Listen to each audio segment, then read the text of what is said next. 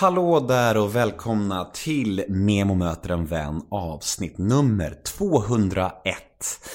Dagens gäst är ingen mindre än den fantastiska Amy Desismont, även känd som Amy Diamond.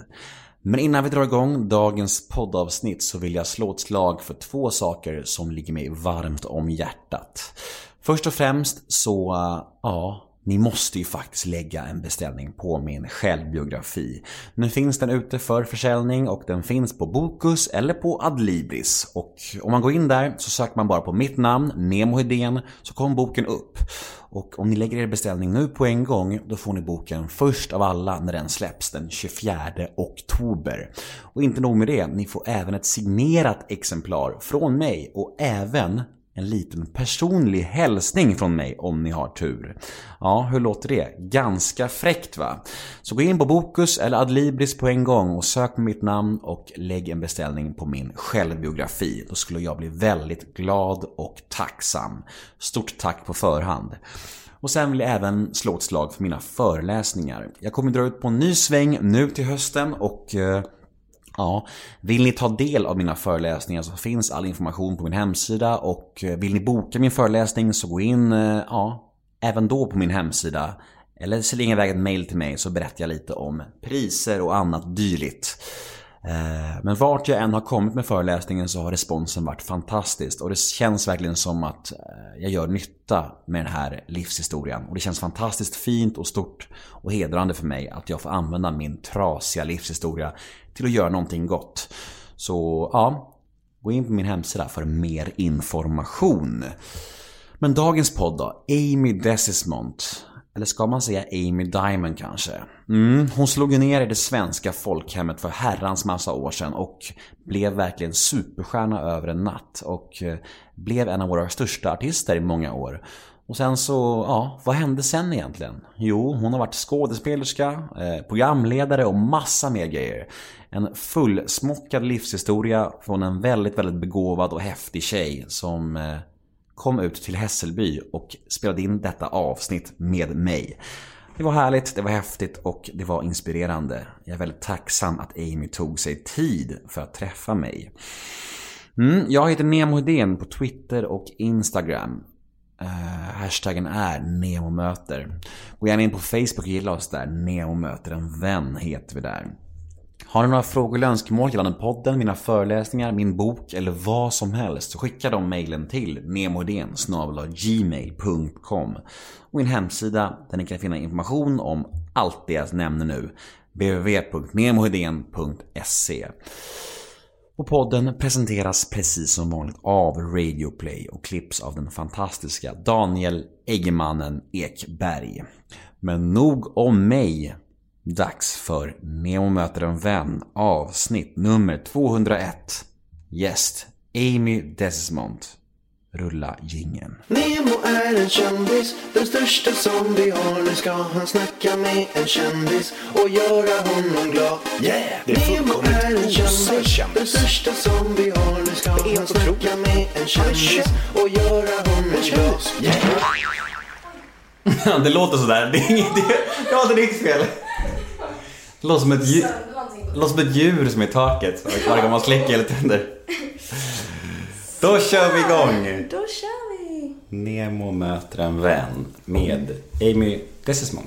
Säger man. Perfekt uttal. Är det sant? Ja. Oj, oj, Det oj. är typ ingen som klarar av det. Ja, Jag tack. väntar på det. Hur ska han säga det? Ja, Ja, men vad fan, det var ju en bra start. ja det är jättebra. Jag tänkte faktiskt säga efter så här, eh, uttalar jag det rätt eller fel? Men gud vad jag känner mig nöjd nu. Ja, det var perfekt. Eh, Jag satt här och, och diskade och, och inför din ankomst så satte jag på lite gamla låtar eh, från din karriär. Och jag slogs av hur många stora hits det var. Alltså det var så, här, det var så många låtar som, som blev så himla stora. Tänker jag så här. Många radiohits. För jag tänker så här, artister i Sverige, jag, jag fram- framförallt jag ser på Så Mycket Bättre och så här, nu för tiden när det, när det är lite urmjölkat och så här. Det, det är så här Folk har bara en, två, tre hits men du har, du har ett helt koppel av hits som jag bara shit, just det, det här är också hon och det här är också hon liksom. Ja, vad glad. Vad kul. Ja, och eh, jag tycker väldigt mycket om Shooting Star. Gör du det? Ja, fin. roligt. Det, det är ganska många som, eh, som kommer fram och pratar om just den. Och det, det var ju en singel men vi liksom jag vet, vi åkte inte runt så mycket och liksom promotade den men det är jättekul att den ändå blev någonting. Att det är folk som kommer ihåg den. Det är den första låten jag spelade in Okej, av liksom alla låtar som jag har släppt. all right. Så, ja. Vad känner du själv när du hör de här, de här gamla låtarna på radio? Så här? Vad tänker du om det liksom? Det är ju ganska roligt för att jag var ju så himla liten när jag började. Så på ett sätt så blir det som typ ett minne från en annan tid i livet verkligen. Ehm, men sen vissa låtar, alltså eh, What's in it for me, min första singel, den, den har jag ju liksom sjungit hela mitt liv. Så den har på något sätt så här hängt med eh, och känns också lite så här jag vet inte, den känns inte lika gammal som den hade kunnat kännas om jag bara sjöng den typ i ett år och sen så liksom var det klart typ. Ehm, så det är väldigt kul, det är roligt och ja, det är roligt att höra sig själv när man är så liten. Det är väldigt roligt. Komma ihåg hur man stod där i studion och bara woho kände sig bra liksom. Verkligen. Men, men vad kom, varför tog ni Diamond just? Vad var det? Um, alltså egentligen var det ju eh, för att typ ingen kunde uttala mitt efternamn. Det är en sån töntig grej. Utom jag. Eh, förutom du då. Eh, du borde varit med på mötena. Vad var "Det jag går om då?" man vill. Ehm, så det, var liksom en sån grej och sen så skulle vi hitta något artistnamn typ och sen så var det det jag fastnade för mest. Och sen eftersom att första låten blev liksom starten på allting så hängde ju liksom namnet kvar jätte, jättemånga år för att det blev som en snöboll som inte gick att få stopp på. man ska säga. Ehm, så det fanns liksom ingen naturlig tid egentligen fram tills ganska nyligen att typ heta det man egentligen heter igen. Var du inte rädd, eh, alltså när du gjorde det här namnbytet eller vad man ska säga, back to liksom ditt riktiga namn. Var du inte rädd för att tappa fans och igenkänning hos många och så här? Ehm, nej, alltså jag tror ändå eftersom att jag, hela bytet blev ju i samband med att jag började skådespela. ehm, så tänkte jag inte riktigt på det sättet. Men det är klart så när vi släppte lite egna låtar ehm, för några år sedan under mitt riktiga namn så blev det ju ehm, Ja, men, ja, men jag vet inte, kanske, kanske blev så att folk inte så här, hittade det på samma sätt och så. Um, eftersom att det inte hamnar på de spellistorna som, man, som finns under ens liksom, gamla artistnamn och allt det där. Ehm, men jag tänker att så här, det gör väl inte så mycket. Men det är två olika konton på Spotify till exempel eller? Ja men precis, det blir Ja. ju det. Ja, så att ehm, eh, kontot med mitt riktiga namn är ganska roligt. För det, för det är ju både saker som jag gjorde innan eh, Okej. What's it for me. Så här, När jag var liksom jätteliten, typ när jag var med i någon så här talangtävlings Mm. tv-program, typ Super Troopers hette det. Så det finns ju grejer därifrån när jag sjunger typ såhär Mössens julafton och massa så här konstiga grejer. Och sen så Sen finns 20 ju... års hoppsen. Sen, verkligen, det är verkligen så. Så det är så här, mina kompisar har ju, när jag, när jag släppte ny musik under det namnet så hade de liksom haft bara på shuffle. Det finns ju inte jättemycket låtar under det namnet. Men då blev det ju så här, helt plötsligt kommer liksom Hejsan hoppsan! så det är inte helt eh, i ordning där riktigt. Men ja, ja. Någon ansvarig får fixa det. Ja, men precis. Jag har ingen ansvarig, det är bara jag. Så att det får skylla mig själv. Ja. Men, ja, men vi kommer säkert återkomma till det här senare under intervjun. Men eh, hur mår du? Du ser glad, välmående ut. Är du det? Tack! Mm. Jo, alltså jag är ganska trött egentligen, men, nej, men jag mår bra. Eh, jag känner mig väldigt varm. Jag är väldigt dålig på att klä mig rätt för vädret, så att jag vågar typ aldrig vara liksom klädd för att det är varmt, så att jag blir alltid jättevarm. Och sen när jag tar en liksom, liten risk och faktiskt har på mig shorts så är det skitkallt, så att jag, det blir aldrig rätt.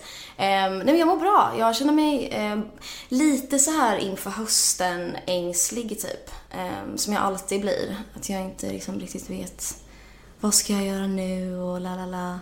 Ehm, men, eh, men det är en ganska, det är en ganska bra period i livet. Haft värre perioder i livet. Muntert. ja, verkligen. det lät väldigt... Vi kommer till dem också. Oroa dig inte du. Oroa inte. Men hur ser dagarna ut just nu då? Vad, vad ser, hur ser en vanlig dag ut just nu för Amy? Eh, just nu ehm, så känner jag mig fortfarande lite så här. jag känner att jag är lite kvar i sommartempot.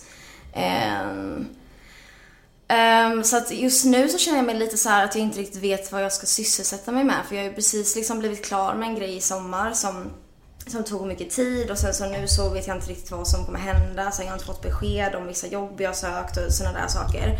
Ehm, så att jag känner mig lite, det är lite blandat eh, liksom. Men jag försöker, jag försöker liksom ehm, men en vanlig dag är väl typ, alltså jag sover ju ganska länge när jag inte har något speciellt att göra. Jag gillar ju nätterna, alltså jag gillar att vara uppe sent. Ehm, så jag går upp ganska så här sent. Eh, sen så tycker jag ju- tittar väldigt mycket på olika så här film och TV och sånt när jag har, när jag har liksom lediga perioder så älskar jag att kolla på sånt också för att det är så inspirerande tycker jag. Eh, sen så skriver jag. Eh, och eh, sen ibland så här, här och där så är det ju, ser ju dagen helt annorlunda ut för att då jobbar jag med något speciellt. Men om jag är hemma så är det väldigt så här städar, typ. Det känns som att det aldrig tar slut med städandet. Ehm, och bara, eh, ja, jag vet inte. Typ cyklar och har mitt... Men det här med att vara frilans då, eller vad man ska kalla det. Alltså du, är- att du är egen liksom och det ändå är ganska... På ett sätt är det lite osäkert liv. Alltså, Gud ja. hur, hur, hur tar du det då? Eftersom att tidigare har du, var du väldigt så här, alltså när du var yngre så var du väldigt på skivbolag och många som... Jag kan tänka mig att du blev ganska styrd. Att du var såhär, nu ska du göra det här, nu ska du göra det här mycket. Tidigare i alla fall. Ja, eller det var ju, det var ju mer... ehm, Alltså det var ju väldigt, väldigt mycket att göra framförallt. Sen så gick jag i skolan samtidigt också när jag var liten. Så jag hade ju alltid jättemycket så jag hann inte riktigt tänka så mycket på sådana här saker som jag tänker på nu. Ehm, nu är det ju verkligen... eh, Alltså det är ju så himla upp och ner. Ibland jobbar man ju jättemycket och bara längtar efter att få en paus och sen så, så fort man får det så får man panik liksom. Så det, det är bara så det Man är aldrig nöjd. Nej men gud nej och jag är alltid orolig. Ehm, och alltid så här, ja man måste hela tiden tänka så ekonomiskt hur man ska få ihop det och hur man ska liksom så här ha råd med eventuella perioder utan jobb och så här. Så det är ju, ja det är verkligen, men sen så, samtidigt så älskar jag ju ehm, att hålla på med det jag gör men det är ju ehm, det är ju speciellt att frilansa. Det är ju lite läskigt.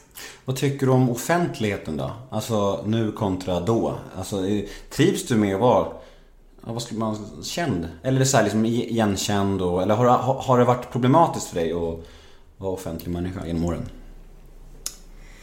Nej men alltså jag har väl, alltså jag började ju så tidigt så att jag, jag har ju, alltså när jag var 12, från att jag var 12 så var det ju så. Ehm, och jag har väl tyckt att det har varit jättekul på många sätt för att man får träffa många människor och framförallt, alltså det viktiga är ju att man får hålla på med det man vill göra liksom. Ehm, och det... Eh, men ja, jag vet inte. Jag, tycker väl, jag har väl liksom inget behov av att vara känd egentligen. Alltså, jag, det är inte någonting som jag eh, skulle f- liksom få panik av om det försvann eller sådär. Jag kan ju tycka att det är lite skönt också när det lugnar ner sig. Men, eh, men sen problematiskt vet jag inte. Sen när jag var liten så var det lite konstigt att man kände sig lite iakttagen hela tiden när man var tonåring och så. Och den perioden.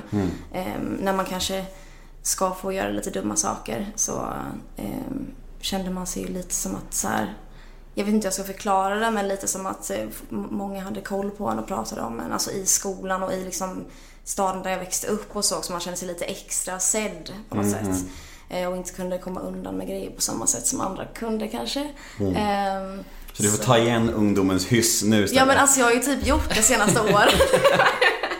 jag bara, jag Säsongat. inte vem som ser. Typ så. Säsongat på råd och så här, nu liksom. Men så helt ärligt, jag känner typ att från att jag var 20 och några år fram så har det varit liksom så här. Nej men att jag inte bryr mig lika mycket om hur liksom det handlar väl om att man blir trygg i sig själv att man är vuxen. Liksom, man, blir, man blir trygg i att man eh, liksom, att man tar de besluten man vill ta. Liksom. Ehm, och när man var liten så var det ju mer Ska man vara duktig? Ska man göra rätt hela tiden? Eller ska man... Så att, ja, det var så himla känsligt allting med rätt och fel. För mig i alla fall var det det. Att jag var väldigt så här, rädd för att göra fel. För jag liksom, gillar inte tanken på att någon skulle vara besviken på mig typ. Nej. Men det här med intervjuer då? Hur eh, trivs du i intervjuobjektsstolen? Uh, nej men jag tycker att det, alltså, det kan vara kul. Ja. men ehm, det beror lite på. Det, är lite, det kan ju vara lite läskigt också. Man kan ju få lite, du bara skratta. Nej men jag vet inte riktigt vad du förväntar dig. Jag, du, har, inte- du har inte varit rädd för det här i alla fall. Men, nej, nej, men... eh, men, ty, men tycker du att det är, är svårt att hitta gränsen eh, för hur, hur bjussig och transparent du ska vara? Alltså det här skilja på privat och, och offentlighet. Ja, det har jag faktiskt tänkt på jättemycket. Det tycker jag är jättesvårt. Ehm, också just för att ehm, jag kan tycka att man vill ju vara jättebjussig och bara helt, man vill ju vara som en öppen bok. Man vill ju bara vara helt ärlig hela Och tiden. generös. Ja men, men man vill ju för, för, för sin egen skull så kan det vara väldigt skönt också att vara helt öppen. Men sen så är det ju svårt också för att jag Ibland kan man bli medveten om så hur många som kanske tar del av den här informationen och folk som inte förstår den och folk som inte tolkar den på det. Alltså det finns ju så många eh, saker som kan misstolkas och bli fel. Eh, Och om det är känsliga ämnen man pratar om så blir det väldigt jobbigt om man blir missuppfattad.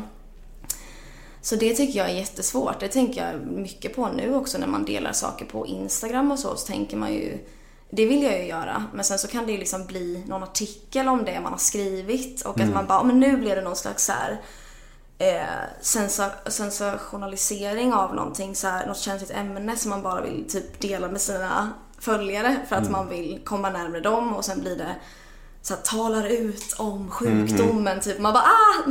Hur hamnade jag här? Ehm, så det är ju, ja det är tråkigt att det på något sätt ehm, att man, det är tråkigt att man känner så för att man vill ju kunna vara öppen. Men samtidigt så vill man ju också så här, vissa saker skulle man ju aldrig prata om kanske för att det är väldigt, väldigt privat.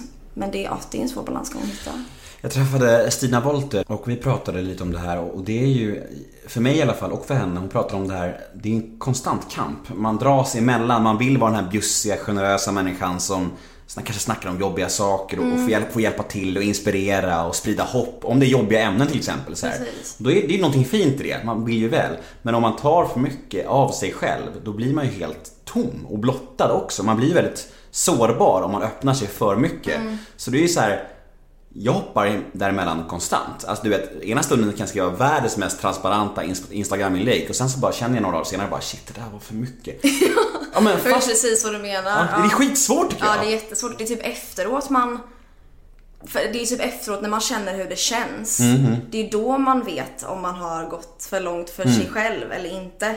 Och det är ju, då, då är det redan ute. Så det är lite, ja det är jättesvårt det Mm. Och det är där. som en vågskål också för att känslan som kommer där när man har, några dagar senare, när man läser det, eller lite såhär själväckel. Och då har man fått massa fin feedback på inlägget så det är såhär, man bara såhär, räcker det för att behålla eller inte?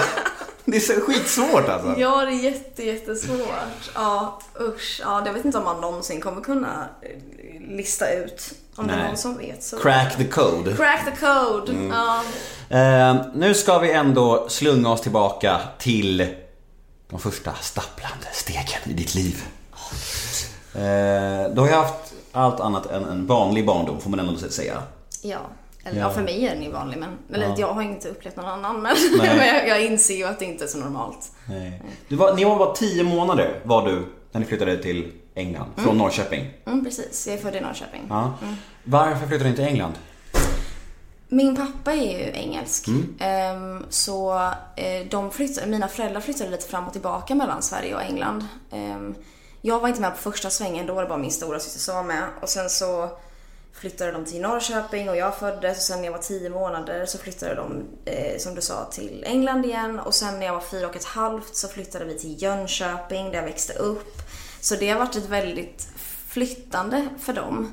Och jag vet inte riktigt varför. Det var mer att de inte kunde bestämma sig vilket land de skulle bo i av deras två liksom. Har du några minnen från England?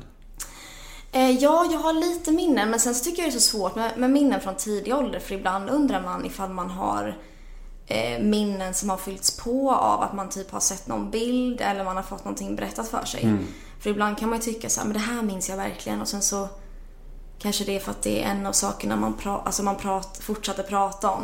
Eh, men jag minns ju, eh, jag minns att jag åkte rullskridskor väldigt mycket. Jag hade alla din rullskridskor och åkte runt eh, på, i vårt lilla liksom, neighborhood. Eh, Vart i England var det? eh, vi bodde i Hertfordshire. Okej. Ehm, och min pappa är från, alltså är från London, men vi bodde, det är typ någon timme utanför London. Kanske en och en halv, två, jag vet inte.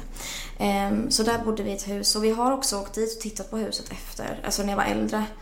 Så då minns jag ju också starkare hur det såg ut för att jag har varit där när jag var äldre och kanske var mer kapabel till att minnas. Du fick minnesbanken påfylld Ja men precis, jag bara that's the house.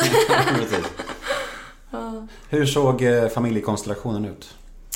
Ehm, alltså den har ju fyllts på hela tiden. Det är min... Den fylls också på. den, den fylls också Allt på. bara fylls på. Ehm, nej men eh, det är ju min mamma och pappa. Ehm, och sen så har jag en stora syster som heter Danielle som är 30.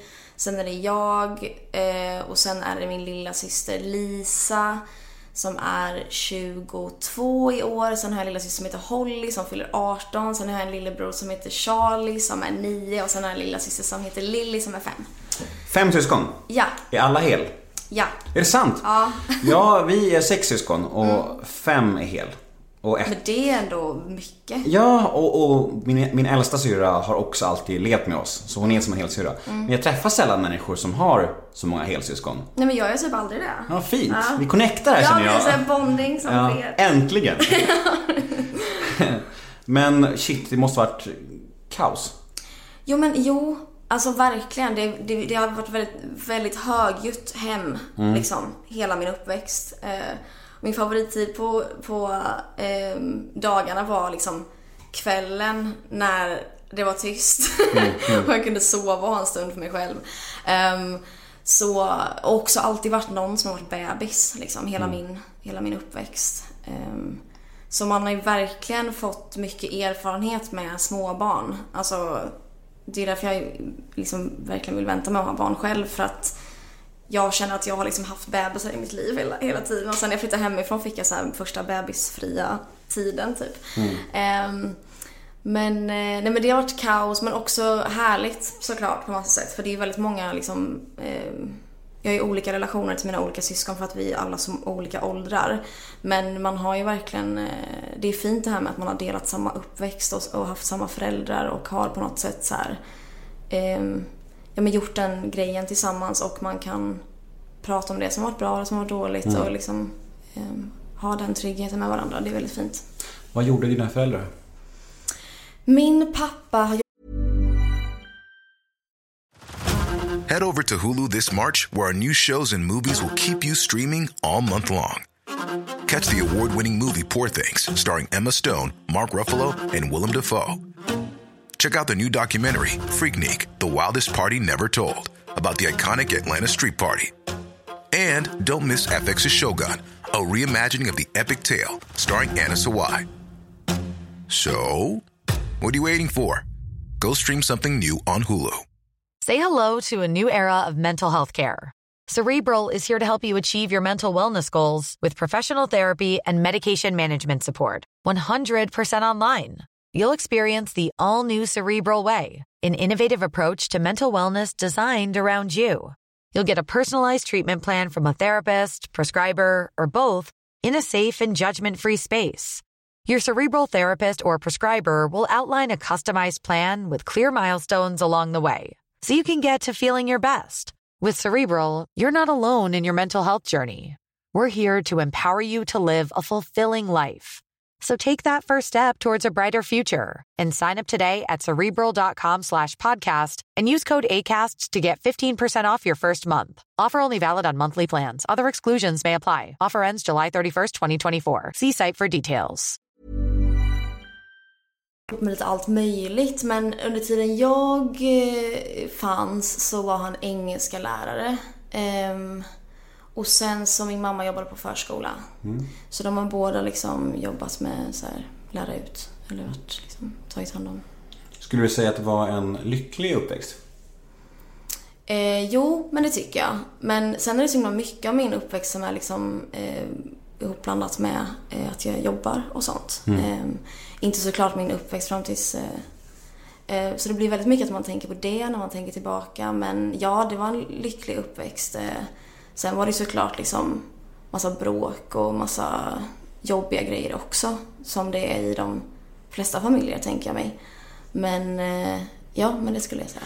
Var dina föräldrar alltid uppmuntrande till den här artistgrejen eller? Ehm, ja, min mamma var alltid väldigt uppmuntrande. Ehm, jag sjöng ifrån att jag var väldigt liten och jag, jag var framförallt själv väldigt så här, eh, ville stå på scen och ville typ eh, sjunga på köpcentrum och sånt. Ehm, för jag insåg att det var där man kunde Märkligaste goalsen jag har hört. Jag ska bli artist, jag ska stå i köpcentrum. Ja, men- det inte Globen, inte Madison Square Garden. Nacka Forum. Men jag tänker så här, där har jag spelat en hel del gånger kan jag säga. Nej, men, Jag kan eh, tänka mig det. No offense. Nej men jag, var- jag var realistisk. Nej, hela grejen med köpcentrum var att jag insåg att det var där man kunde få sjunga i mikrofon för att de hade talangtävlingar ibland på A6 eh, Center i Jönköping. Så det hade jag sett någon gång och sen när jag var åtta så anmälde jag mig till liksom eh, till att sjunga på scen då. Och sen efter så var jag så här, det finns så många köpcentrum i Sverige. Det, jag kan ju åka runt och göra det här på alla ställen, tänkte jag. Och det tyckte inte mina föräldrar kanske var jättekul. Att jag ville ha skjuts överallt. Men eh, min mamma var väldigt uppmuntrande och min pappa var väl till en början så här, fattade väl inte helt grejen typ. Men sen så efter ett tag så eh, såg han mig väl lite mer, alltså han hängde ju med och så och tittade. Eh, men det var väl kanske min mamma som först var så här, verkligen trodde på mig. Det var verkligen ingen diss mot folk som sjunger i köpcentrum, vill, Nej. vill jag tillägga. Du dissar hela artist... Eh, Varenda artist. Det blir inga mer poddgäster för mig. Alla har hört den här. Jag hörde där du sa om... Nacka Forum. Om Där har jag Nacka varit. Eh. Forum, ja. Nej, nej men det är ju, ja. Har man gjort del- jobbet. Melodifestivalen Ja, så har man definitivt gjort köpcentrum och kanske till och med bilhallar. Mm. det, där kan man också ligga.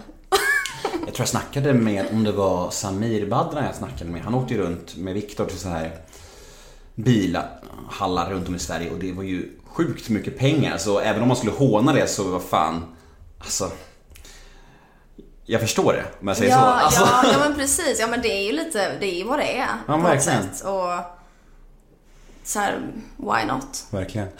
Ehm, men din första bekantskap med offentligheten, det var väl Småstjärnorna va? Ja, precis. Just det. Ja, vad bra koll Jag har bra koll, men jag har också extra bra koll just som småstjärna eftersom jag själv har varit med där. Är det sant? Mm. Två år innan dig var jag med där. Okej. Eh. Vem- vilken- Vem var du? Jag och mina tre kompisar var Beatles och jag tappade peruken i sändning. Och, eh, ja, och det blev med i programmet. Nej. Så vi, vi körde twist and shout. Och i slutshouten liksom, sluttwisten så bara hoppar vi så här, da, da, da. Och så flyger min peruk av. Och så ska vi stå så här som Beatles alltid gör, på, på rad och tacka. Men jag står bara och letar till min peruk så här. Och alla bara garvar, det är Men världens... det måste ju produktionen älska. Ja, de älskade det och det blev världens snackis och det kom med i så Agnetas nyårskarameller sen Okej. och de bara garvade och jag bara fattade ingenting. Jag bara, "Åh!" Men det var för att jag och en annan kille hade tagit varandras peruker och jag hade mycket större huvud.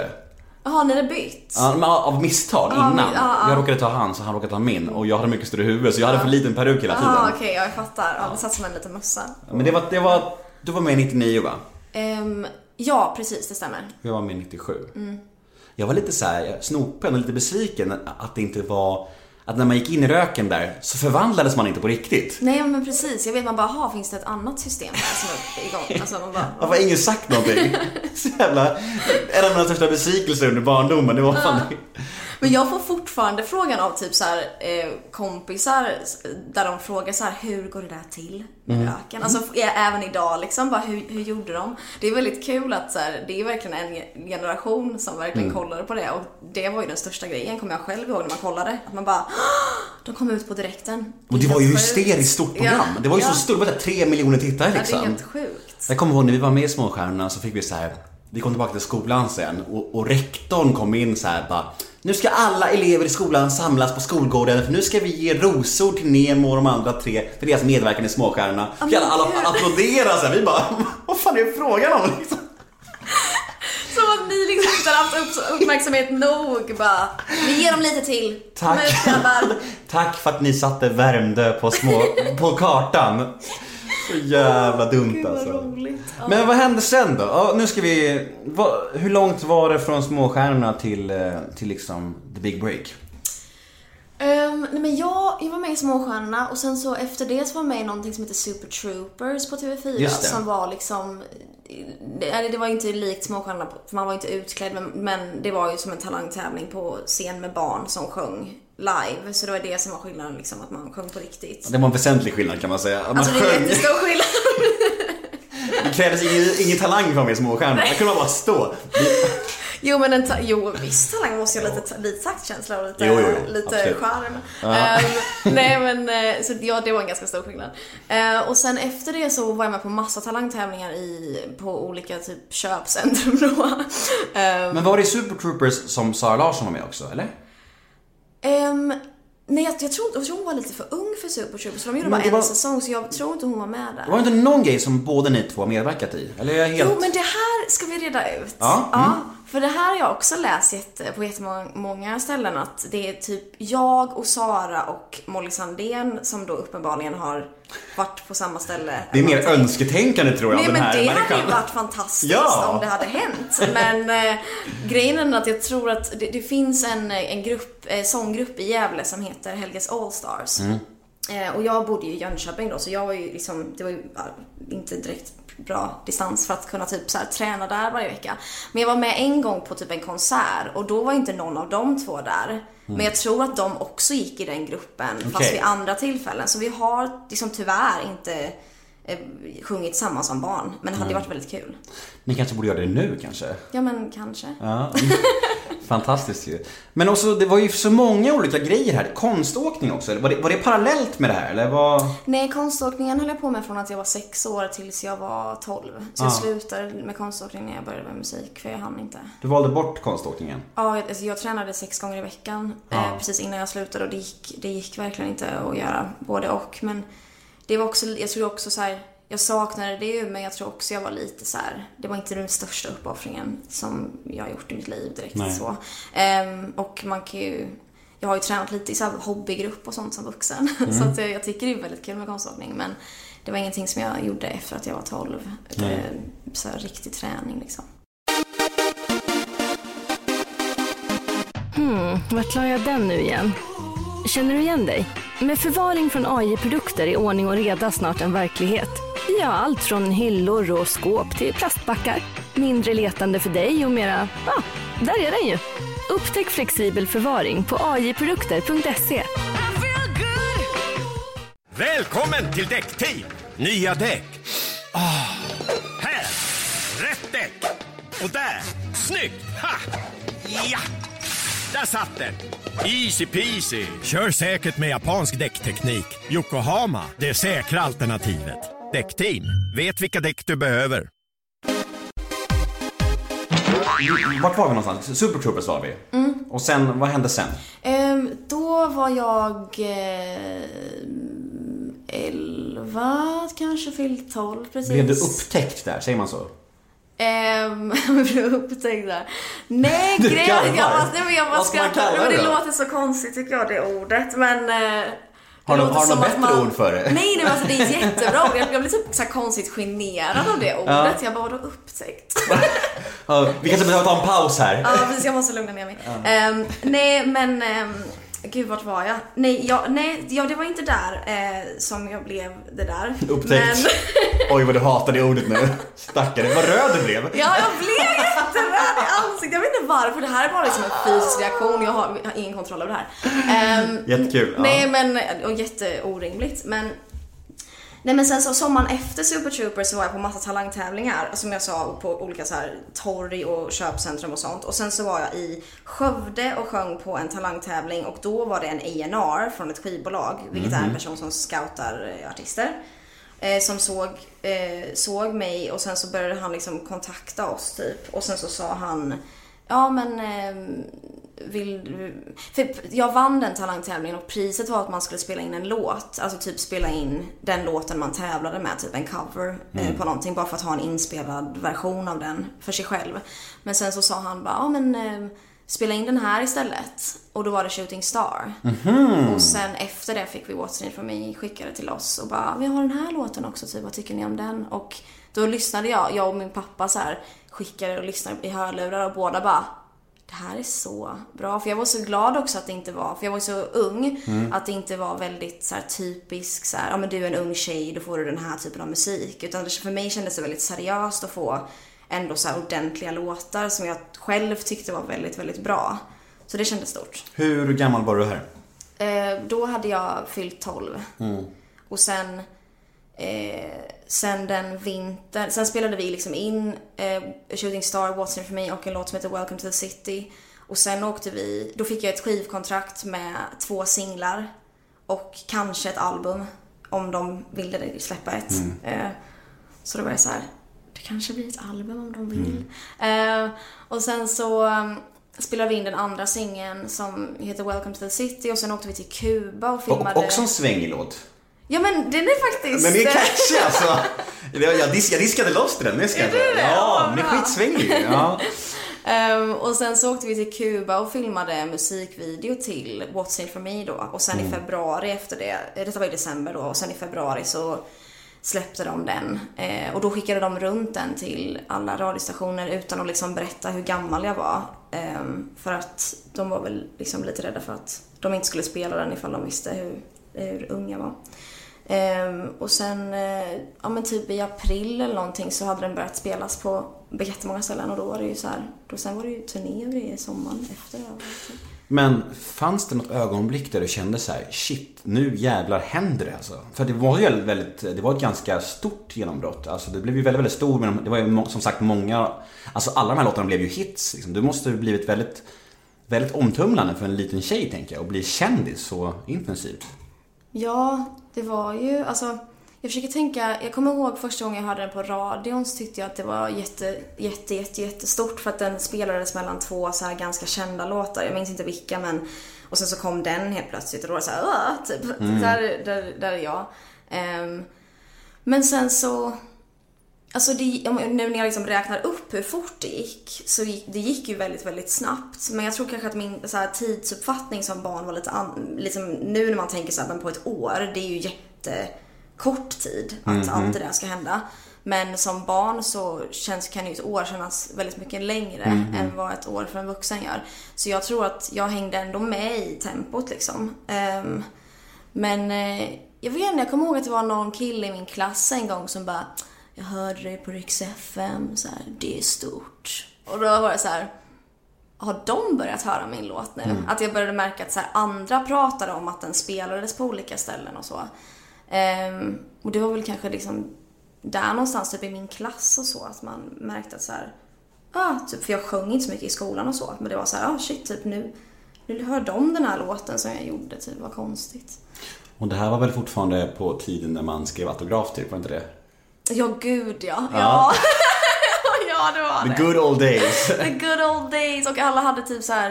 eh, Liksom, ingen hade ju liksom riktigt så här, jo vissa hade ju kamera på mobilen men det var ju väldigt dåligt så många hade ju med sig så här eh, digital kamera och sådana där. Alltså, ja, det var different times. Och skivor, liksom att man hade singlar som var fysiska. Eh, detta var ju innan Spotify och allt det där så det, är helt, det känns helt sjukt att man ändå har varit med om den tiden innan liksom allting förändrades i musikbranschen fast man fortfarande är väldigt ung så har man liksom på min tid var det singlar typ. Vad jäklar vad gammal du kan låta när du säger Ja, så. jag vet. Och ska du skrocka också. På, en- på en veranda med kaffe i handen. Men och parallellt med den här musikkarriären som tog snurr rejält så gick du alltså i skolan. Ja, precis. Heltid. Som vanligt. Ja. Hur, hur gick det? Alltså att kombinera det?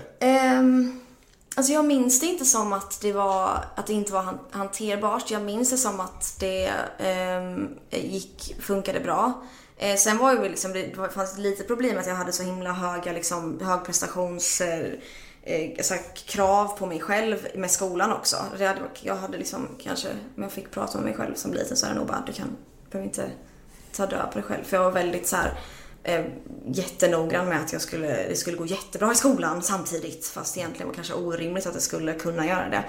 Ehm, men sen när jag läste, jag så läste lite gamla eh, kalendrar och sånt. Där jag hade liksom en period när jag var typ 13-14 där jag skrev varje dag vad jag hade gjort. Och jag hittade en sån nu när jag flyttade. Och då läste jag den och bara Alltså jag typ inte kom inte ihåg att det var så mycket som jag skriver. Det är så här, efter skolan så gick jag till den här personen, så här, hit och gjorde den här grejen och sen, sen åkte vi hem igen och sen gjorde det här giget på kvällen och sen åkte vi hem och sen på helgen så gjorde jag fyra gig och sen, alltså jag kan liksom inte komma ihåg att det var så mycket för att nu är jag ju van vid ett, mycket lugnare tempo ändå. Så det är så här, eh, eh, ja men det är nästan lite som att man inte minns allting, tror jag. Ehm, Som en dimma. Ja men lite ibland. Eh, sen så vissa, vissa, inte så här allt men men jag kan ju märka ibland att jag var ju så liten också så det är väldigt ofta jag jobbar med folk igen nu som jag kanske inte riktigt minns att jag har jobbat med för att jag var ju så liten. Alltså alla glömmer ju vilka man har träffat som barn så det är inget konstigt men det var nog liksom väldigt mycket intryck och väldigt mycket människor hela tiden. Då kände jag mig lite dum. Men kände du att du, att du kunde uppskatta det som hände? Eller, eller känner du så här i vuxen ålder att fan, jag borde kanske försökt. Nu var du så liten så det är kanske svårt att vara hård mot sig själv som barn. Men kände du att du njöt någonting eller var det bara som att det bara öste på liksom? Nej men jag känner att jag, att jag njöt jättemycket. Alltså jag har väldigt mycket så här fina minnen och så specifika grejer som man har gjort och alltså det som jag tror gjorde att man, eh, man eh, tyckte det var värt och orkade och tyckte det var fantastiskt det var ju att man ehm, alltså jag älskade ju verkligen att sjunga eh, och jag var ju typ rastlös innan jag fick min första låt för jag tänkte såhär, när ska det, när kan jag få vara artist? Alltså jag hade ju helt orimlig syn på hur liksom hur lätt det är att, att få vara, alltså få jobba med musik när jag var liten. Jag var ju såhär, men varför? Det kommer aldrig hända, mitt liv är över typ. Fast jag var jätteliten. Så jag tror att jag var väldigt så hungrig eh, och ville liksom göra det så tidigt. Så därför kändes det liksom, speciellt de första åren var bara så här, det var ju som att få hålla på med sin dröm. Liksom att få stå på scen så mycket och helt plötsligt var det ju inte fyra pers i ett köpcentrum utan helt plötsligt var det så här stora scener och få liksom sjunga sina egna låtar och så här, låtar som inte, det var ingen covers nu utan det var liksom mina låtar och så här. Har du någon eh, så här, på rak arm, någon höjdpunkt från de här åren där du känner så här shit, att det pikade? För, alltså för, för din del, nu vet jag att du har en karriär nu också och att det är liksom olika delar, men de här åren när du var barnstjärna liksom. Har du något så här ögonblick du känner att, som var häftigaste? Åh, vad svårt. Uh, jag tänker inte på det här så ofta längre så ibland känns det som att jag måste så, här, sitta en stund och bara så här, komma ihåg vad som har hänt. Uh, Nej men jag kommer ihåg typ när jag hade mina egna spelningar, när jag fick köra typ en timme med, med liveband. När vi körde såna. Eh, för sen var det ju som du sa, eller som vi pratade om innan, sen var det väldigt mycket så här om man kör med bakgrundsmusik och kör tre låtar på typ Nacka Forum. Vilket också var jättekul för man fick träffa folk men, men det Och var man ju fick fakturera 50 lax.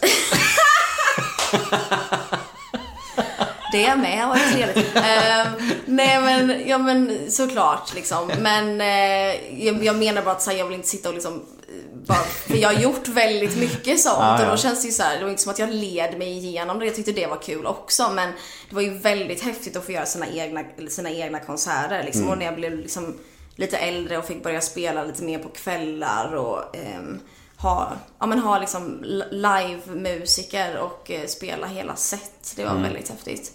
Ja, så det var väl typ, det är inget specifikt minne men jag bara, det är typ de grejerna jag tänker på som highlights. Som man verkligen fick så här gigga liksom. Men plugget då? Vem skulle du säga att du var i skolan? Eh, vilken roll tog du? Eller var det bara musik det handlade om? Eller hur eh, såg din skoltid ut? Hade du lätt i skolan? Alltså jag skulle nog säga att jag hade lätt i vissa ämnen. Ehm, Socialt? Ehm, ja, alltså jag hade väl lite kompisar men det var inte som att jag var med i något så jättestort gäng eller någonting. Jag var inte, de- definitivt inte någon ledare av något gäng eller så här. Ibland halkade jag in i något gäng för jag fick vara med en stund och sen så var jag inte med dem längre. Alltså så här, jag var lite mer sådär, ehm, vad ska man säga? Jag hade ingen, jag hade väl inte egentligen någon så här jättetydlig ehm, Tillhörighet? Tillhörighet, precis. Jag kan inte komma på ordet. Ehm, så. Men sen så var jag ju lite in och ut eftersom att jag var borta mycket och sjöng och sånt. Men, ehm, men jag hade några kompisar som jag umgicks med en del. Jag började spela fotboll typ ett tag för jag var såhär, men det gör alla, då kanske man kan hänga på typ. Du bara, du bara, jag har lite för lite att göra. Fotboll tre gånger i veckan va? Ehm, nej men, eh, ja, alltså, jag tror att jag var lite betygsbesatt skulle jag vilja säga. Ehm, jag var lite besatt av att jag skulle liksom eh, få högsta betyg i allting. Vilket jag nu i efterhand tycker är helt galet beteende. Men jag vet inte om jag hade någon slags så här, att jag ville överbevisa att så här, jag vet att jag är borta mycket men kolla vad jag kan. Typ att jag blev stressad över att någon skulle någon lärare skulle liksom påpeka att jag var borta en del. Alltså det var ju någon lärare ibland som gjorde det. Alltså inte på ett så här vi är oroliga för dig utan snarare på ett lite så här. Hade en franska lärare en gång. Jag räckte upp en ha- handen och så här, eh, frågade en grej. Och då sa han om du var här lite oftare så kanske du skulle veta svaret på det. Och jag bara dog inombords. Eh, Så jag tror att där blev det någon slags så här, jag måste, jag måste visa dem att jag ändå kan få högsta betyg. Ehm, Så mitt, mitt mest så här jag skulle säga äckliga minnen, men det är inte riktigt äckligt, men det jag känner mig lite äcklad av mig själv, det är när jag eh, vi skulle få slutbetyg i nian. Och jag vill få upp alla mina betyg till MVG så jag var såhär, jag kommer kunna göra det bara jag typ, vad, vad måste jag göra typ, då får jag vara taktisk här typ. Och sen så gick jag till min franska lärare eh, som han, han hade lite så här, han tyckte om mig men han tyckte också inte alls om mig kändes det som så det var lite svårt. Men då hade jag VG i franska och då var jag så här, men jag skriver typ en extra uppgift till honom. Så han ser, alltså är, oh, jag skäms när jag berättar nu, usch. Men eh, så gjorde jag det, jag lämnade in den och så läste han den och så återkom han till mig och bara, om det är jättefint, du anstränger dig så mycket men allting är grammatiskt fel och jag börjar ifrågasätta ditt VG nu. och jag bara, fy vad har fan jag alltså. gjort? Nej, gud vad hemskt alltså. Det så det var, det var lite så här. Fan mardröm. Och jag bara kände när jag stod där, jag bara så här, ah. Head over to Hulu this March, where our new shows and movies will keep you streaming all month long. Catch the award winning movie Poor Things, starring Emma Stone, Mark Ruffalo, and Willem Dafoe. Check out the new documentary, Freaknik The Wildest Party Never Told, about the iconic Atlanta Street Party. And don't miss FX's Shogun, a reimagining of the epic tale, starring Anna Sawai. So, what are you waiting for? Go stream something new on Hulu. Say hello to a new era of mental health care. Cerebral is here to help you achieve your mental wellness goals with professional therapy and medication management support. 100% online. You'll experience the all new Cerebral Way, an innovative approach to mental wellness designed around you. You'll get a personalized treatment plan from a therapist, prescriber, or both in a safe and judgment free space. Your Cerebral therapist or prescriber will outline a customized plan with clear milestones along the way so you can get to feeling your best. With Cerebral, you're not alone in your mental health journey. We're here to empower you to live a fulfilling life. So take that first step towards a brighter future and sign up today at cerebral.com slash podcast and use code ACAST to get 15% off your first month. Offer only valid on monthly plans. Other exclusions may apply. Offer ends July 31st, 2024. See site for details. ja, men du får skylla dig själv. Alltså om du ska försöka så här mycket så kommer du ju bli avslöjad liksom. Ja, det finns något uttryck, den som gapar efter mycket Ja men verkligen. mister ofta hela stycket. Det var precis det som hände. Men sen så började du plugga till frisör va? Mm, vad, vad, vad, vad hände där? Eller var det något intresse du hade för eller? Eh, Ja, alltså jag hade, jag hade var sugen på frisör och sen så ville jag också, eh, var jag lite inne på att gå mode och design. Ehm, men sen så valde jag frisör. Ehm, jag hade väl, ja men jag hade, jag ville vara typ kreativ, någonting kreativt ville jag göra på gymnasiet. Ehm, eh, Dels för att, eh, alltså egentligen valde jag frisör för jag tyckte det var skönt att så här, ja, men jag tycker det är väldigt roligt och man blir färdig, man blir någonting när man är klar. Man får liksom, man, man är någonting. Ja men precis. Eh, sen så dock ett halvår innan vi slutade så la de ju till ett och ett halvt år på utbildningen som lärling. Så jag, det är alltså också så här, den som gapar efter mycket. Eh, Snopet. Ja, verkligen. Jag bara, typ så här, jag hade varit borta och så kom jag tillbaka till skolan och bara, har hört vad som har hänt? Jag bara, va? Jag bara, nej men vi, vi måste, vi måste vara lärlingar i typ 3000 timmar eller vad det var. Jag bara, va? 50 spänn i timmen. Att de ens kan göra så med folk som går redan på utbildningen, det är ganska hemskt egentligen. Vi försökte argumentera för att våran årskurs skulle få liksom... Slippa. Ja, men för att vi vi skulle ta studenten om några månader bara. Mm. Men det gick inte. Nej. Nej. Men, eh, så du gick inte klart? Eh, Jag gick klart skoldelen av utbildningen men sen, och sen så jobbade jag lite på, eh, på salong eh, typ ett år efter. Fast inte heltid då utan jag, jag eh, gick eh, typ 20 timmar i veckan bara så jag var där typ, no- typ några dagar. Eh, och sen så, för sen så höll jag också på med andra saker samtidigt. Eh, Men så började jag räkna timmar men sen så var det tydligen någon regel att om man hamnade under 20 timmar i veckan så fick man inte, då liksom så här försvann de timmarna för att det var ju i och för sig en så trygghet för den anställda som skulle få minst 20 timmar på jobbet. Så det var ju så en bra grej egentligen men för mig blev det så här jag fick bara ihop 18 så de betyder alltså ingenting. Typ. Och då blev jag lite less och sen så ehm, Sen så eh, slutade jag eh, på det jobbet. Men jag jobbade ändå där ett tag. Det var väldigt eh, kul. Jag fick klippa väldigt mycket barn. Men den här, alltså, den här, vad säger man? Genomgången, eller vad säger man? Och förvandlingen från barnstjärna till liksom vuxenmusiker. Hur, vad hände där med dig? Eller dalade det eller vad, hur ska man beskriva det? För det kändes som att det var så intensivt, sen så försvann det lite, sen kom du tillbaka nu med skådespelarkarriären. De här åren emellan här. Var, var det någonstans, jag vet inte hur jag ska formulera mig, men var det någonstans du kände så här var det jobbigt? Var det en svacka liksom? Eller kände du att det liksom försvann, din, din karriär? Eller hur, hur beskriver du de här åren?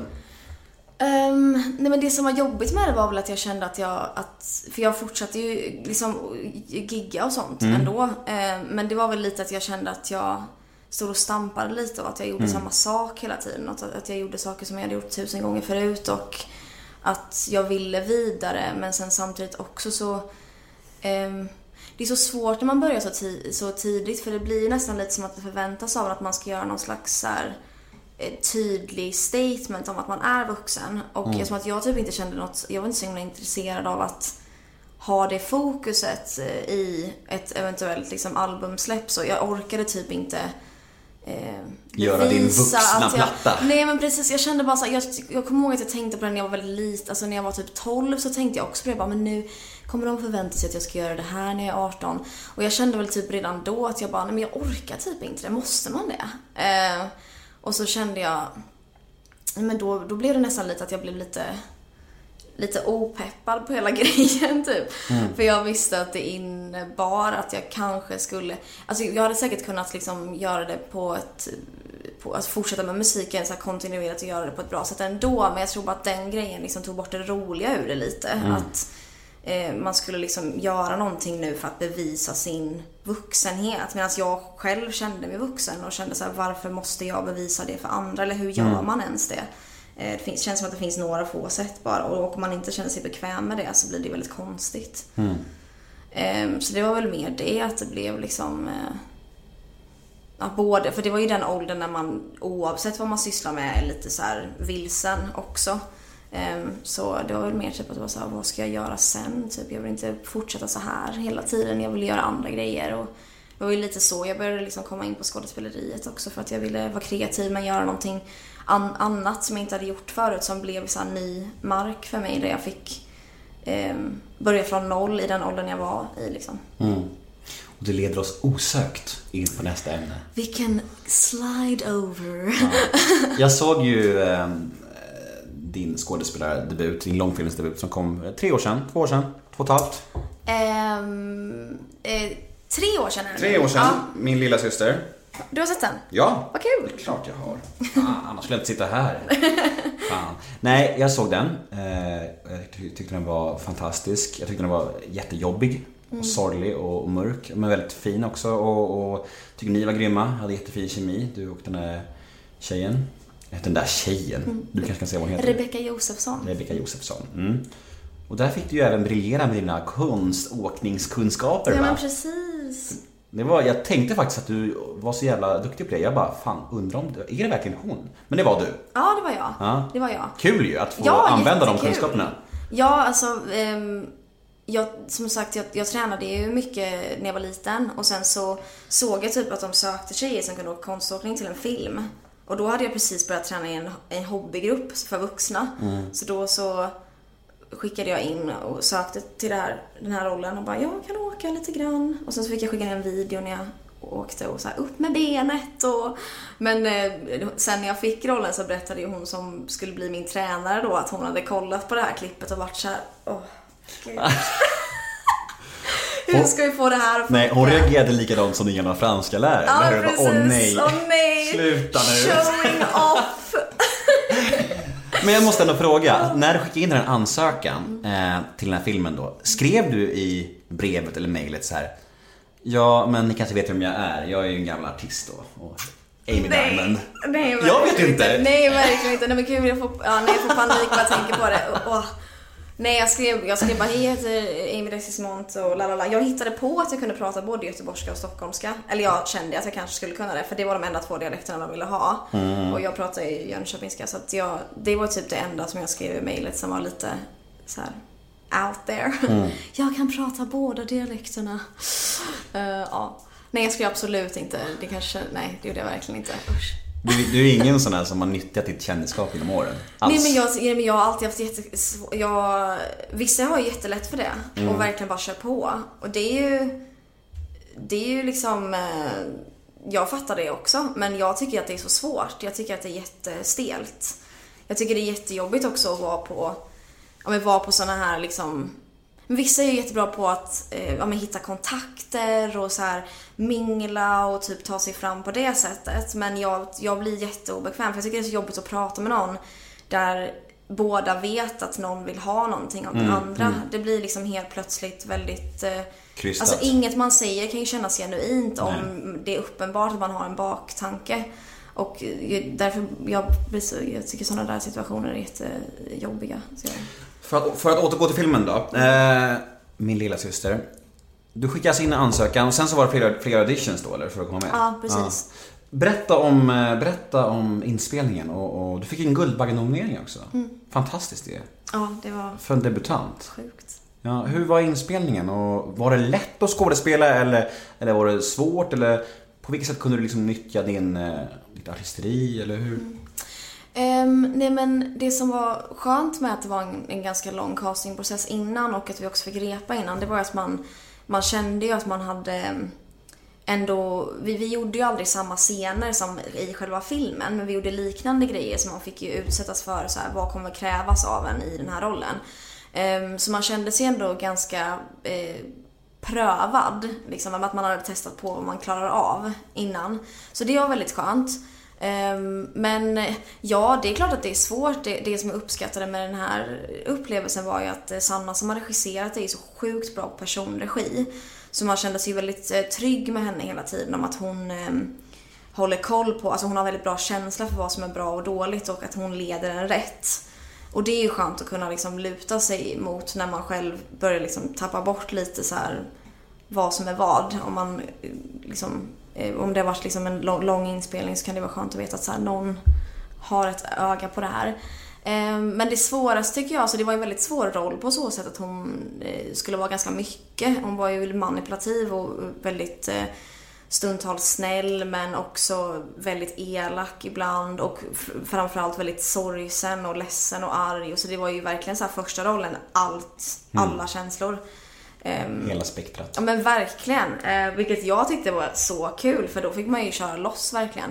Eh, men det svåra var nog, tycker jag, eh, Vissa kan ju jobba jättebra med, med jobbiga känslor och, och är jättebra på att så här, stänga av när de kommer tillbaka. Det känns som att så här, olika skådespelare jobbar på olika sätt. Att vissa kan men spela något jättejobbigt men sen på något sätt ändå ha distans till det. Men jag, det kunde absolut inte jag märkte jag efter Mm. Nej. någon vecka. Du tog med dig känslorna Bara hem. grät varje Ja. kväll bara Och typ för att man drog ju upp massa så här grejer också i sig själv såklart för att man skulle kunna ehm, ha den här Jag tror också för att jag, jag kände mig ju Jag kände att det var viktigt för mig att jag kände saker på riktigt när de hände också för att vi improviserade så mycket. Ehm, så tyckte jag det kändes viktigt och det gjorde ju att det inte riktigt gick att ha den distansen så att det var ju Det var ju speciellt efter och efter inspelningen så var det ju ganska lång eh, period av att bara så här bli stabil igen på något sätt. Hur förbannad var du över att du inte vann Guldbaggen? Jag var inte så förbannad. Alltså, det, så här, först så var jag ju så sjukt glad för att få en nominering för att det, det känns ju jätte, jätte, jättestort. Men sen när det bara är tre personer, då blir man ju så här. Tänk om. Eller? typ, man bara, kommer det hända? Ehm, så, eh, nej jag blev inte så förbannad eh, av att jag inte vann. Ehm, en nominering kändes faktiskt bra nog. Men jag blev lite besviken på att filmen inte vann några priser. Ehm, det blev, och jag blev väldigt besviken på att ehm, att Sanna inte fick något pris för bästa regi. För det tycker jag eh, verkligen att hon borde haft. Så att, eh, det var ju lite sån här stämning att man bara... Mm. Hon, hon har ju liksom jobbat så hårt på den här filmen och gjort ett sånt fantastiskt jobb så man bara så här Ge henne en Guldbagge. Ja, jag håller med. Vi slänger in ett uh, lyssnarmail här. Eh, vill Amy göra fler filmer? Jag tycker hon var helt fantastisk i Min lilla syster. Har hon egna erfarenheter av ångest eller ätstörningar som hon hämtar inspiration ur? Ehm, ska, vilken fråga ska jag svara på först? Ja, det, var, några- det, där, det där var ett mail alltså? Ja, det var några, några stycken. Ehm, Nej men eh, jag väl absolut, först och främst, jag vill absolut göra mer, fler filmer. Alltså jag, jag är väldigt så här. Eh, jag är helt förälskad i skådespeleri. Jag vill verkligen Jag blir så här, när jag inte jobbar med någonting så blir jag så här frustrerad. Eh, så jag vill absolut skådespela mer. Jag tycker att det är det bästa som finns. Eh, och gärna vara med i fler projekt och för- förhoppningsvis så grejer där det är eh, utmanande och kanske annorlunda mot det man har gjort tidigare och sådär. Um, och um, om jag, har jag, har ingen, er- jag har ingen ätstörningserfarenhet. uh, inte personligen. Jag har liksom eh, haft så här bekanta runt mig som har varit sjuka. Uh, sen har jag jättemycket erfarenhet av ångest så det är ju typ det som jag fick ta ifrån.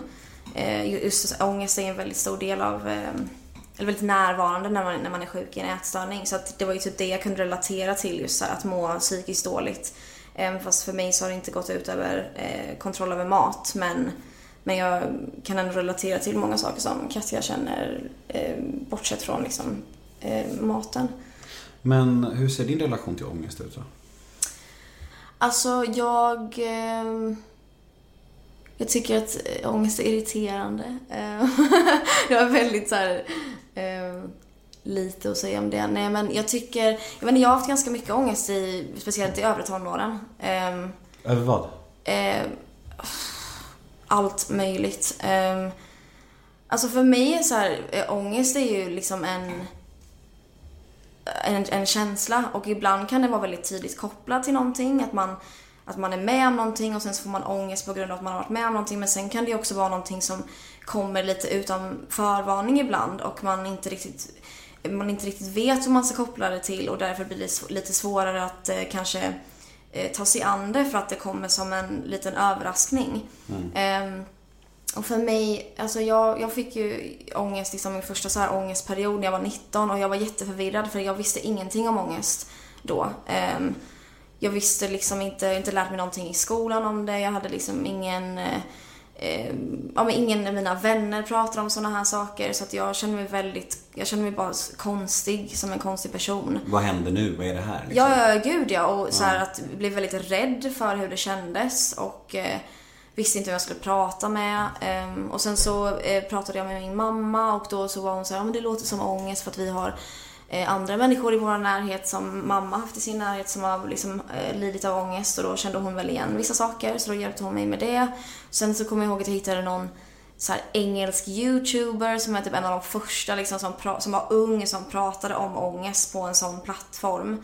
Och tittade väldigt mycket på henne och så här försökte hitta folk som var som mig. Ehm, just för att, ehm, jag vet inte, i min umgängeskrets så pratar man inte så mycket om sånt. Så att det var väldigt så här svårt att veta vart man skulle vända sig.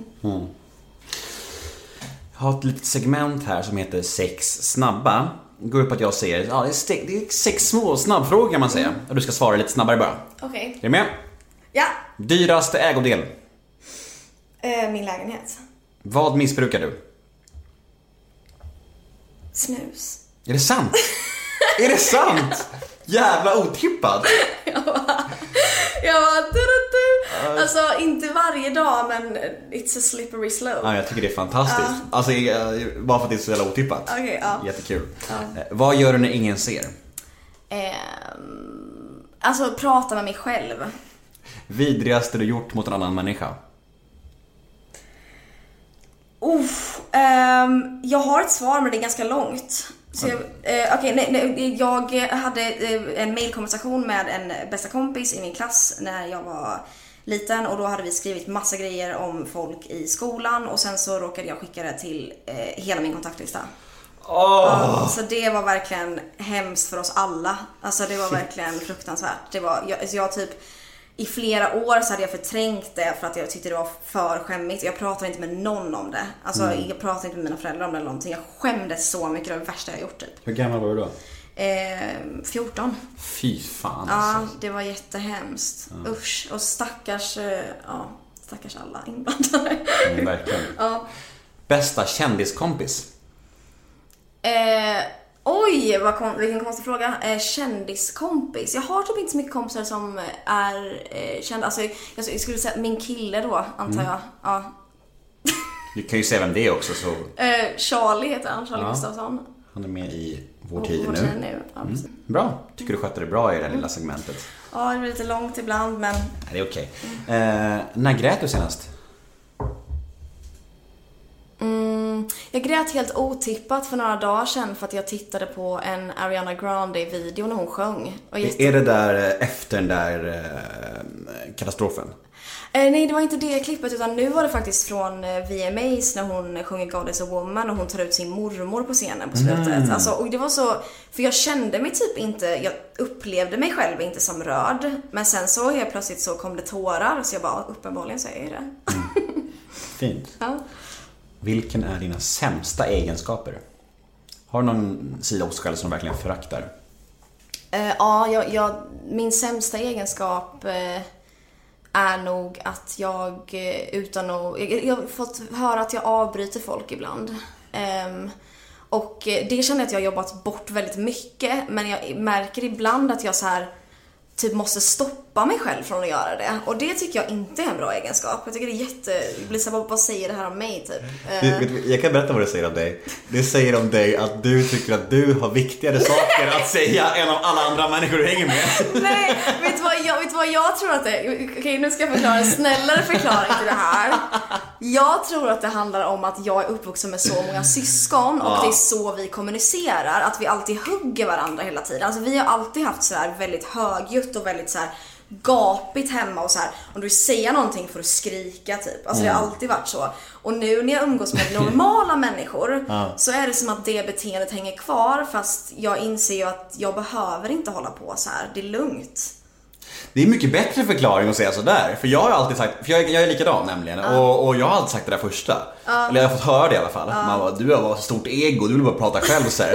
Men nu kan jag börja låna din istället och säga Ja sådär. men alltså, jag menar sen så kan det ju absolut, det är, det är klart att man kanske har varit i situationer där man bara så här anledningen till att man avbryter är för att man bara det jag har att säga är så himla bra. Alltså, är Vänta lite här nu. Vänta på det jag har att säga. Det är grymt. Det är bra grejer. Eh, det är klart att det, Det är guld. säkert är det. Comedy gold. Ja, exakt. Nej men självklart så kan det ju finnas liksom, säkert de anledningarna också men jag bara inser att så här, jag tycker det är intressant när man börjar liksom leva med andra människor utanför sin familj för att Mm. då upptäcker man ju så här oj vad, eh, vad jag har trott att vissa saker är normalt som inte är normalt. Gud, ja verkligen. Alltså det där kryllar mitt liv om. När, man- när man, framförallt när man är uppväxt i en miljö som inte är så norm- normal, som känns som både du och jag är liksom, att det skiljer sig lite från ramen.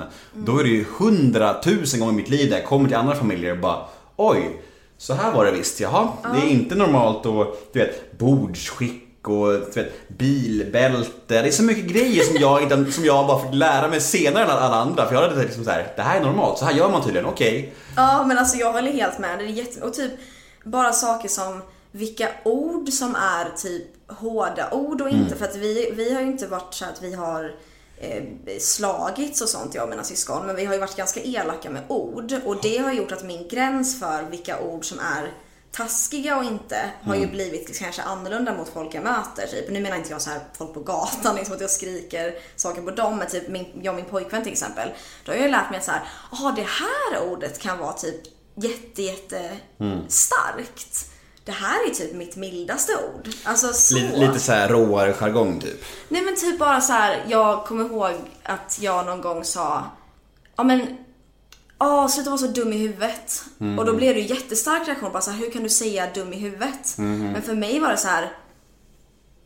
Det är inte så grovt tycker inte jag. Men, sen så, men det handlar ju bara om att man ska lära känna varandra och så här, lära sig vad den andras gräns går på alla fronter. Men det är bara intressant tycker jag att man så här lär sig vad som är normalt och inte i efterhand när man har kommit ur det. Ja, verkligen. Och sen så, det gör ju automatiskt så att det är svårt för nya människor att komma in i vår familj. Så här, du vet, partners till folk i vår familj, så här, familjemiddagar. De, får, de är ofta så här, oh shit, så här är det här. De måste verkligen ställa om sig helt också. För, att de är, för det är speciell jargong. Jag tror, jag tror verkligen det är så också i stora familjer, att det blir ex, extra tydligt. Ja men det tror jag också. Men just för, för vår del så är det ju väldigt mycket det här med att, ehm, att man pratar väldigt högt och att man typ slåss lite för sin plats. Ehm, vilket mm, jag har märkt så här när man är med andra familjer så är det väldigt lugn stämning. Väldigt så här, nu pratar den. Nu- Medan hos oss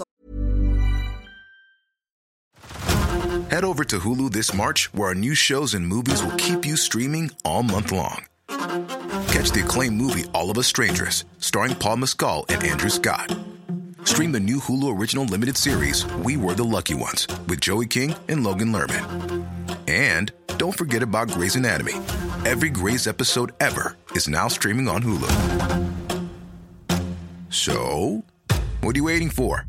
Go stream something new on Hulu. A new year is full of surprises, but one thing is always predictable postage costs go up. Stamps.com gives you crazy discounts of up to 89% off USPS and UPS services. So when postage goes up, your business will barely notice the change. Stamps.com is like your own personal post office, wherever you are. You can even take care of orders on the go with the mobile app. No lines, no traffic, no waiting. Schedule package pickups, automatically find the cheapest and fastest shipping options, and seamlessly connect with every major marketplace and shopping cart. There's even a supply store where you can stock up on mailing supplies, labels, even printers. Stamps.com has been indispensable for over 1 million businesses just like yours. All you need is a computer or phone and printer. Take a chunk out of your mailing and shipping costs this year with Stamps.com. Sign up with promo code PROGRAM for a special offer that includes a four week trial, plus free postage and a free digital scale. No long term commitments or contracts. That's Stamps.com code PROGRAM. var det bara så här. Alltså man så försöker komma in hela tiden för alla har så mycket att säga. Men jag tror verkligen att det är, det är, det är därför jag är så här som jag är. Att jag, är. jag vill ta mycket plats, jag vill höras och synas och babbla mycket. För att jag kommer från en familj där det var så att man, för att få uppmärksamhet och kärlek och, och allt så här så måste man, du måste höras för att synas liksom. Mm, gud ja. Du vet så här, när det var mat så bara fram med en, med en stor så här, bunke med mat och den som tar mat först får mat. Och tar du inte snabbt så får du ingen mat. Men så var det på vår Ja, familj ja, alltså. precis. Det, är så här, så det, det, det formar en ju liksom. Man blir kanske lite så här äh, äh, roffigare och tar åt sig och, och, och hörs och så här. Och det är ju grejer man får liksom jobba med. Ja, precis man vill. För det kan ju från annans perspektiv uppfattas som någonting väldigt så här Verkligen, arrogant. verkligen, verkligen. Och eh, det, är ju, det är ju det som är, eh, ja men det är väl därför jag tycker att det är en av mina sämre egenskaper. För att jag känner mig inte så bra när jag typ måste stoppa mig själv från att avbryta någon som precis har börjat prata. Så det är en väldigt jobbig känsla när man bara, håll käften nu. Jag känner verkligen igen det. Det är väldigt, det är väldigt kul. Jag har hittat någon här som är lik mig. Det är är roligt.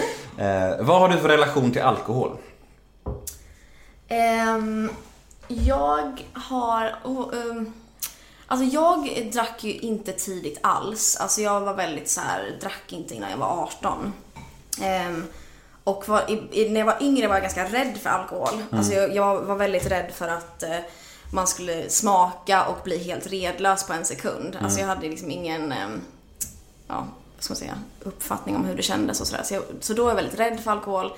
Eh, kanske också lite i samband med att, som vi var inne på innan, att jag typ inte ville, kände mig iakttagen, ville inte göra något dumt, så här, ville inte göra någonting innan man får göra det och sådär. Ehm, så det gjorde ju att jag liksom blev vuxen innan jag började dricka alkohol. Och sen så när jag, jag vet inte alltså, jag dricker väl typ Alltså, det är så svårt för att jag umgås ju med mina vänner och vi dricker typ lika mycket så det är svårt att jämföra med an, Jag vet inte hur liksom mycket eller lite. Alltså jag dricker mycket mer nu när jag bor i Stockholm än när jag bodde i Jönköping.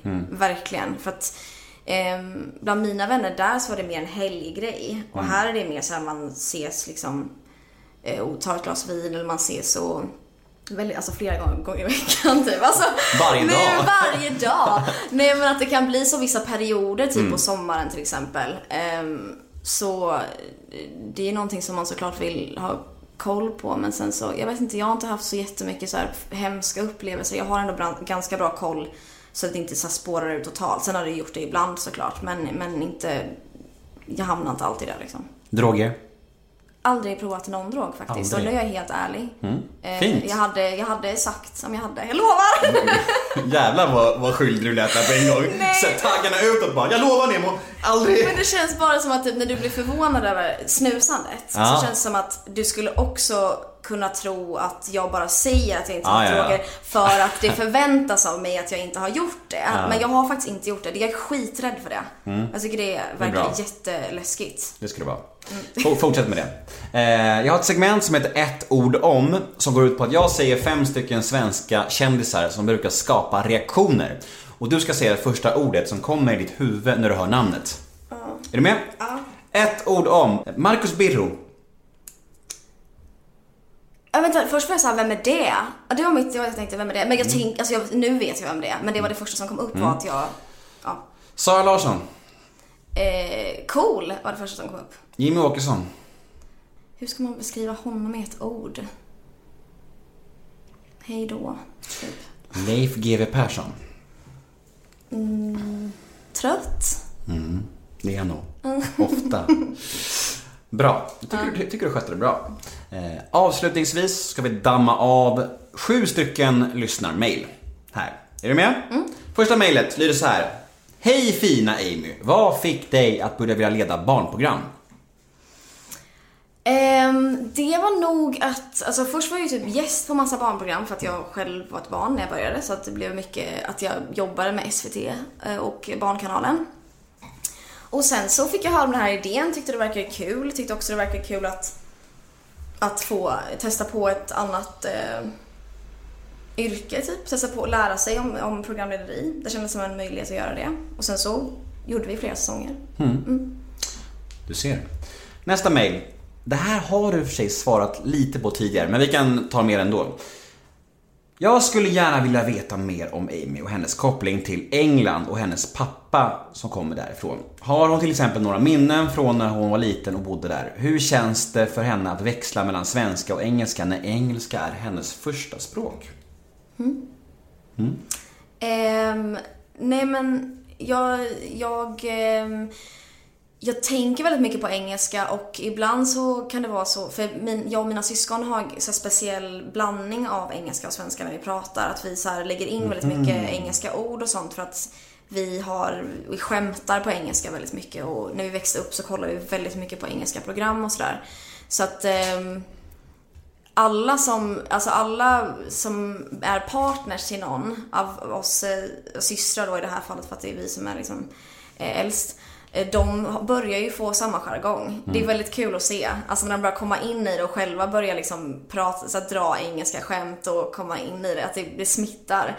Men sen kan jag tycka att det är lite jobbigt om jag gör det i fel sällskap för då verkar det som att man försöker så här leka internationell. Kokettera Eh, lite. Ja, precis. Bara, alltså jag pratar engelska också. Ehm, Jag vet inte om det imponerar jättemycket i Sverige. Så här, jag kan engelska också. Men det är ju därför det är töntigt. För att det blir Ja, så här, ja, ja, men vi kan också prata engelska. Alltså så här, vad är grejen? Åh, vad roligt. Ja, så dumt. Eh, Men det här med minnen, ni var vi ju inne på innan. Men jag, Ja. har, alltså, jag vet inte om jag ska Nej. dra det igen. Nej. Dra det igen. Jag kan kopiera och klistra in Ja, här. gör det. Exakt samma Ja. en gång till. Nästa mail. Hej Amy. Kan du inte berätta lite mer om din sjukdom alopecia? Hur var uttalet där? Sådär va? Alltså jag är lite osäker för jag säger alopecia precis som du sa. Mm. Men ehm, jag vet att många säger alopecia också. Men det är okej Så- för jag uttalar ditt efternamn 100% så Ja, jag behöver ja, inte ja. kunna uttala det här 100%. Ja men om, vi, om du har fel så har jag också fel. Det. Vad innebär den? Hur länge har du haft den? Hur får man den? Är den farlig? Um, den är absolut inte farlig. Ehm, det är ju någonting som är um, ärftligt, eh, vad jag vet. Alltså det är absolut ingenting som smittar. Vet du någonting om den här sjukdomen? Nej, inte mer än jag läste i någon artikel om dig i lite research inför det här. Ja, nej men eh, det är ju en, eh, en autoimmun sjukdom som... eh, Vad betyder det? Det betyder att eh, det är inte något utomstående som skapar problem utan det är liksom mitt egna immunförsvar som... Eh, Det är bara en slump att du fick det alltså? ja men, eller så här, jag har lite i släkten har vi upptäckt nu. Ehm, men, eh, nej men det finns massa olika autoimmuna sjukdomar och eh, vissa av dem ehm, är då att eh, immunförsvaret förstör egen vävnad typ. Och ibland kan vissa sjukdomar är att det är organ och det kan vara jättefarligt. Och eh, sen i det här fallet då så är det helt ofarligt för nu är det bara att eh, de förstör liksom hårsäckar. Eller inte förstör hårsäckarna men släpper, släpper liksom hårstråna och går in i viloläge kan man säga. Ehm, så jag har haft det i ett år typ. Vad innebär den? Eh, Det innebär att man tappar hår. Ehm, Så eh, man tappar hår i- fläckar då. Den, den, den sortens alopecia som jag har heter alopecia areata. Vilket ehm, betyder att man tappar fläckvis. Sen finns det ju totalis som är hela huvudet. Att man blir, får, tappar allt hår på huvudet. Och sen finns det universalis som är allt hår på hela kroppen. All right. Eh, det finns olika liksom, eh, typer av den här sjukdomen då. Ehm, och eh, nej, men jag har haft den i ett år. Jag var, tyckte det var väldigt jobbigt när jag precis hade fått den för jag visste inte alltså, hur det skulle gå, hur mycket jag skulle tappa, hur det skulle påverka mitt liv. Och det, det kanske låter töntigt att det är bara hår men det är också så här någonting som händer i kroppen som man inte har kontroll över. Och det är väldigt eh, läskigt att bara veta att så här, och, typ man, gör, man drar handen genom håret och så bara hänger det med en massa hår. Alltså det är bara någonting som stressar en väldigt mycket. Men nu har jag ändå en helt okej relation till det för nu har jag börjat lära mig hur min alopecia har betett sig senaste året i alla fall. Att det är så här en fläck, så fort den börjar växa ut kommer en till. Och så håller det liksom på så, så att jag har eh, fläckar här och där och sen några halvutvuxna, några, alltså det är väldigt blandat här. Men äter du medicin? Alltså det finns ju typ ingen medicin mot det här. Det finns liksom, det finns ganska lite forskning om det här. Sen finns det ju vissa som ehm, säger att det funkar att typ utesluta gluten ur kosten. Men det är så himla individuellt från person till person. Det är därför det inte finns, finns ingen medicin eller kräm eller så att det är så här, här får du. Utan det är mer, ja du har den här sjukdomen och det, vi får helt enkelt se hur det går. Ehm, Kan din variant utvecklas till det här universalis eller totalis? Um, alltså, man vet ju aldrig, men ju längre man har haft bara fläckar, desto mer... Alltså ofta som du ska få... Nu, nu får ju någon skriva till mig och rätta mig om jag har fel, för jag har inte all kunskap om den här sjukdomen heller. Men, men ehm, om det är så att det ska bli um, totalis så kan det ju gå ganska fort. Ehm, eh, och ibland. Så att eh, det känns ju lite skönt att, att jag ändå gått ett år och att min kropp i alla fall, det finns någon trygghet i hur den beter sig på något sätt för att den gör samma sak hela tiden. Eh, men sen så finns det vissa som har haft fläckar och sen helt plötsligt så är man med om något trauma eller någonting i livet och så händer det att allt ramlar ut. Så det är väldigt, det är det som är så svårt tror jag att hitta liksom lösningar på det här eftersom att det är så extremt individuellt. Så det finns liksom inte någonting som gäller för alla egentligen. Nästa mejl. Hej Amy. Hur tacklar du näthat eller andra elakheter och hur har det sett ut med detta genom åren? Rinner det bara av dig eller blir du ledsen och tar åt dig? Jag tycker att nu tycker jag att det är ganska lugnt för min del. Liksom, jag har inte fått så jättemycket hat och sånt nu. Det är väl lite så här negativa kommentarer ibland och sådär men inte någonting jätteallvarligt, vilket är skönt. Men eh, när jag var yngre så var det ju annorlunda, verkligen. Då var det ju, kunde det vara allt möjligt. Eh, jättegråa saker och elaka grejer och väldigt mycket så här eh, eh, person, alltså ja, angrepp på hur man är, hur man rör sig, hur man pratar, hur man ser ut, allt det där. Så det var ju såklart att det var jobbigt att um, eh, inte ta åt sig när man var tonåring. Man blev ju lite färgad av det och började kanske men speciellt när folk påpekade saker som man själv redan störde sig på. Då blev det som att så här, okej det här som jag inte tycker om syns typ. Eller det här Men något, ser vadå? andra Typ typ. med ditt utseende eller vadå? Nej men typ Ja men om någon påpekar en skratt till exempel, eller det är väldigt känsliga grejer om de påpekar hur man pratar. Ehm, jag har fått väldigt mycket kommentarer om mina tänder till exempel. Ehm, och eh, ja men allmänt, jag har fått höra att jag är ful jätte, jätte, jätte, jättemycket liksom. Och att jag, vilket jag tror att väldigt, det är inte, det är inte unikt, jag har fått vara med om det. Men, men det var ju kanske lite svårt att inte ta till sig när man var tonåring. Alltså jag började själv tro att jag var lite, lite konstigt utseende. Väldigt länge, jag bara, det är något fel på mig typ. Men sen är det svårt att veta vad som är det och vad som är allmän tonårs, eh, liksom, det kanske spädde på det lite kan man säga. Ja. Mm. Men hur är det med kritik annars då? Alltså kritik, tänker ni recensioner och så här och sånt. Hur, hur, hur tar du det? Rinner det bara av dig eller går det in i ditt hjärta och, och knäcker dig? Um, nej men just recensioner och sånt tycker jag så har jag inte så mycket Det beror ju såklart på vad de skriver. Om det skulle vara någonting som man bara det här håller jag inte alls med om. Eller någonting som är jätteabsurt. Då kanske man skulle känna någonting inför det. Men sen så kan man ju veta ibland när man gör saker. Man kan ju veta själv om man är sitt bästa jag eller inte. Och om någon då skulle säga någonting som går lite i linje med det så skulle det, det är aldrig kul att få kritik. Eh, men, eh, alltså om den är väldigt negativ. Men eh, Jag vet inte, just med recensenter och sånt, det tycker inte jag är så jobbigt. Man blir ju jätteglad när det är positivt. Då blir, det ju, blir man ju superglad. Men när det inte är det så känns det lite så här, "Nej, spelar ändå ingen roll. Det är- roligt, så när, när, när de är negativa bara, vad vet de? Ja, men Sen när de är positiva bara, vilken briljant! Han är expert! Ja, men- vad kunnig ja. han är!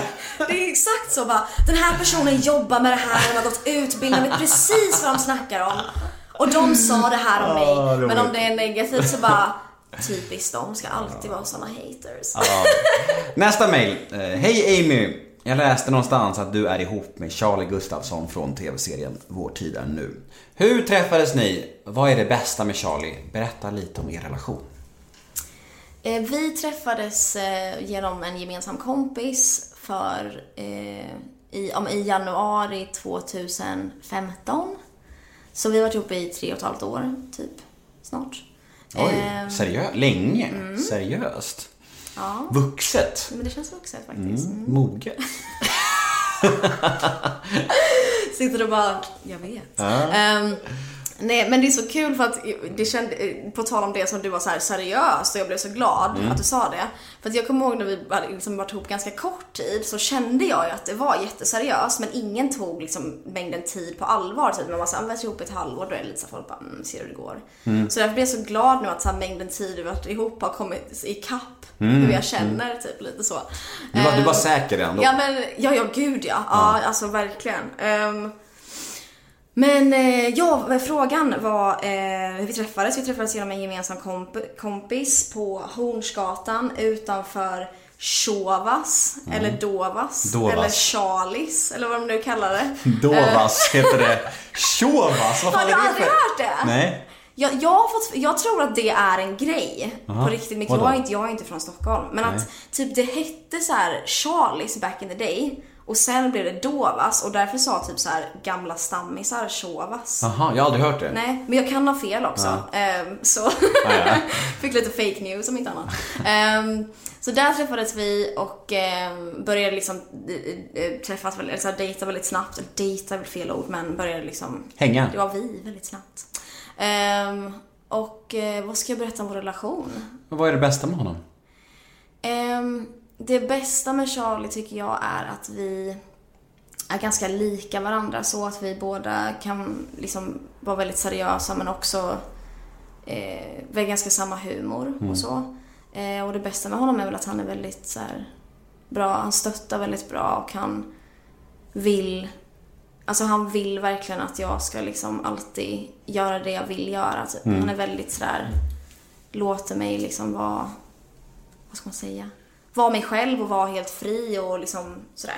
Det tycker jag är väldigt fint och väldigt härligt i, i en relation, att man får känna sig fri. Jag tycker att det är kul att du säger så här. Det bästa med min partner är att han är lik mig. Nej men jag tänkte du skulle reagera på Men det är kul! Ja, nej, men det är tänkte- roligt ju. Nej, men, Jag fattar vad du menar, nej, men, det det bästa- lät kul Nej men det är absolut inte det bästa med min partner att han Nej. är lik mig. Men det, jag, jag, det jag uppskattar i vår relation att vi är samma. För jag kan ha känt tidigare att man, man känner sig som en galning typ. För att man är så himla känslosam och Mm. väldigt svängig som person.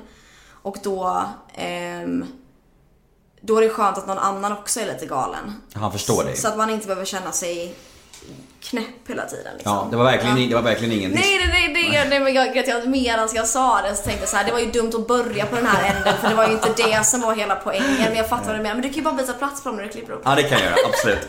Eh, nästa mail. Eh, Hej Amy! Det känns som att din fokus nu ligger på skådespelandet lite grann. Eh, är musiken lagd på is just nu? Eller hur tänker du kring det? Vill du kombinera de båda i framtiden? Vad ser du dig som? Many questions. Nej men... ehm, Vad sa du? Ja, many questions. Many questions, Ja, ja, men- eh, vad ser jag mig som? Bara. Nej men jag... ehm, jag vill absolut fokusera på skådespeleriet. Men sen så vill jag, jag, jag vill köra en till eh, sväng med musiken. Alltså och göra det eh, med hela hjärtat. Men jag känner mig inte så sugen på det just nu. Så då låter jag det vara. Ehm, så då blir, kommer det nog bli mest skådespeleri nu och sen så när jag är äldre så kanske jag vill släppa musiken. Men det vore kul att göra musikal för då får man ju kombinera musik och eh, skådespeleri. Har inte du gjort musikal? Um, ja, jag har gjort eh, eh, två musikaler men ehm, det Mer, vore kul mer, att mer, göra mer. mer. Mer. Nej men det vore kul att liksom göra ehm, Ja, men jag har ju lite olika favoritmusikaler som inte finns i, i Sverige som man så längtar efter så här, om det kommer till Sverige så kommer jag stå först i kön på, på audition och bara typ vara redo att sjunga. Du, du kommer stå där med din franska och briljera. Ja, gud precis. Men den här fick jag inte VG för. Ehm, nej men, ehm, nej men så att eh, jag ser mig, jag ser mig väl kanske lite mer nu som skådespelare. Men, ehm, men samtidigt så är ju musiken en väldigt stor del av mitt liv nu också. Jag sjunger ju hela tiden hemma och sådär så det är inte som att det är, är dött och begravet. Men... Nästa mail, också det sista mailet.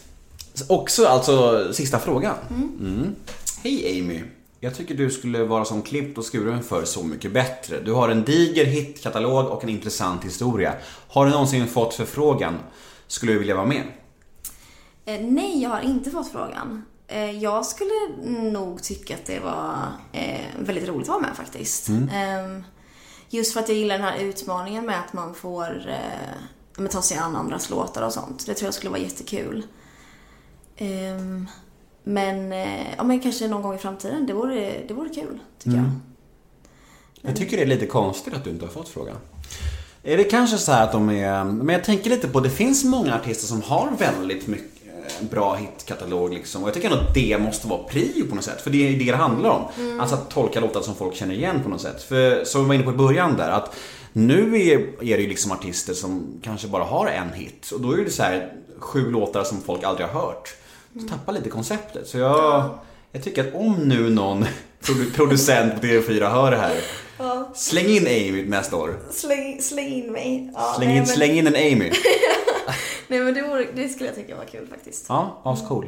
Du, ehm, vi ska runda av, men hur ser närmsta tiden ut? Vad gör du i höst och så här? Vad är i pipen för Amy Diamond? Tänkte jag säga Amy Desismond. Förlåt! Ingen fara. Gud! Still going strong i det undermedvetna. Ja. Du, jag, jag, jag sa det för att jag hörde så mycket låtar från i morse och då fick jag så här gammal Diamond-feber. Det jag, har ing, alltså jag har ingen konstig relation till det namnet alls. Jag tycker Nej. det är bara fint. Du blir inte så här kränkt och bara Nej. så här, jag, jag heter inte det längre, sluta! Men verkligen inte. Men sen så, ibland kan ju folk bete sig runt det som att man skulle kunna vara det. Men jag tror att det är vanligt med folk som byter namn, att de verkligen, verkligen vill bli tagna för det nya. Mm. Så jag tror att det, det, därför blev jag lite så här rädd nu. Min första reaktion var så här, nu kanske hon blir sur. Nej, verkligen inte. Gud nej. Nej. Ehm, men eh, ja, närmsta tiden, just nu så är jag i en situation där jag ehm, antingen kommer ha ganska mycket tid kommande månader till att typ syssla med mina egna grejer, typ mina skriv, eh, mina projekt som jag skriver på. Ehm, eller så kommer jag jobba med ett annat projekt, men jag har inte fått liksom svaren, det är väldigt sent inpå. Så, Du eh, går i väntans tider. jag går i väntans tider och eh, det är ju aldrig kul. Men det känns lite som att det kommer bli kul oavsett. Alltså jag tycker ju det är kul att få tid att, att utveckla mina egna saker också så att eh, oavsett vad så blir det, blir det nog bra. Men det är alltid lite läskigt när man inte vet hur det ska bli. Vad härligt det här var. Ja, det tycker jag verkligen. Ja, jättemysigt. Eh, om man vill följa dig så finns du på Instagram. Vad heter du där? Amy Desismond. Yes. In och följ dig där. In och följ mig. Jag heter Nemo Hedén. Och så säger vi stort tack till Amy Desmond. Hej då! Hej då!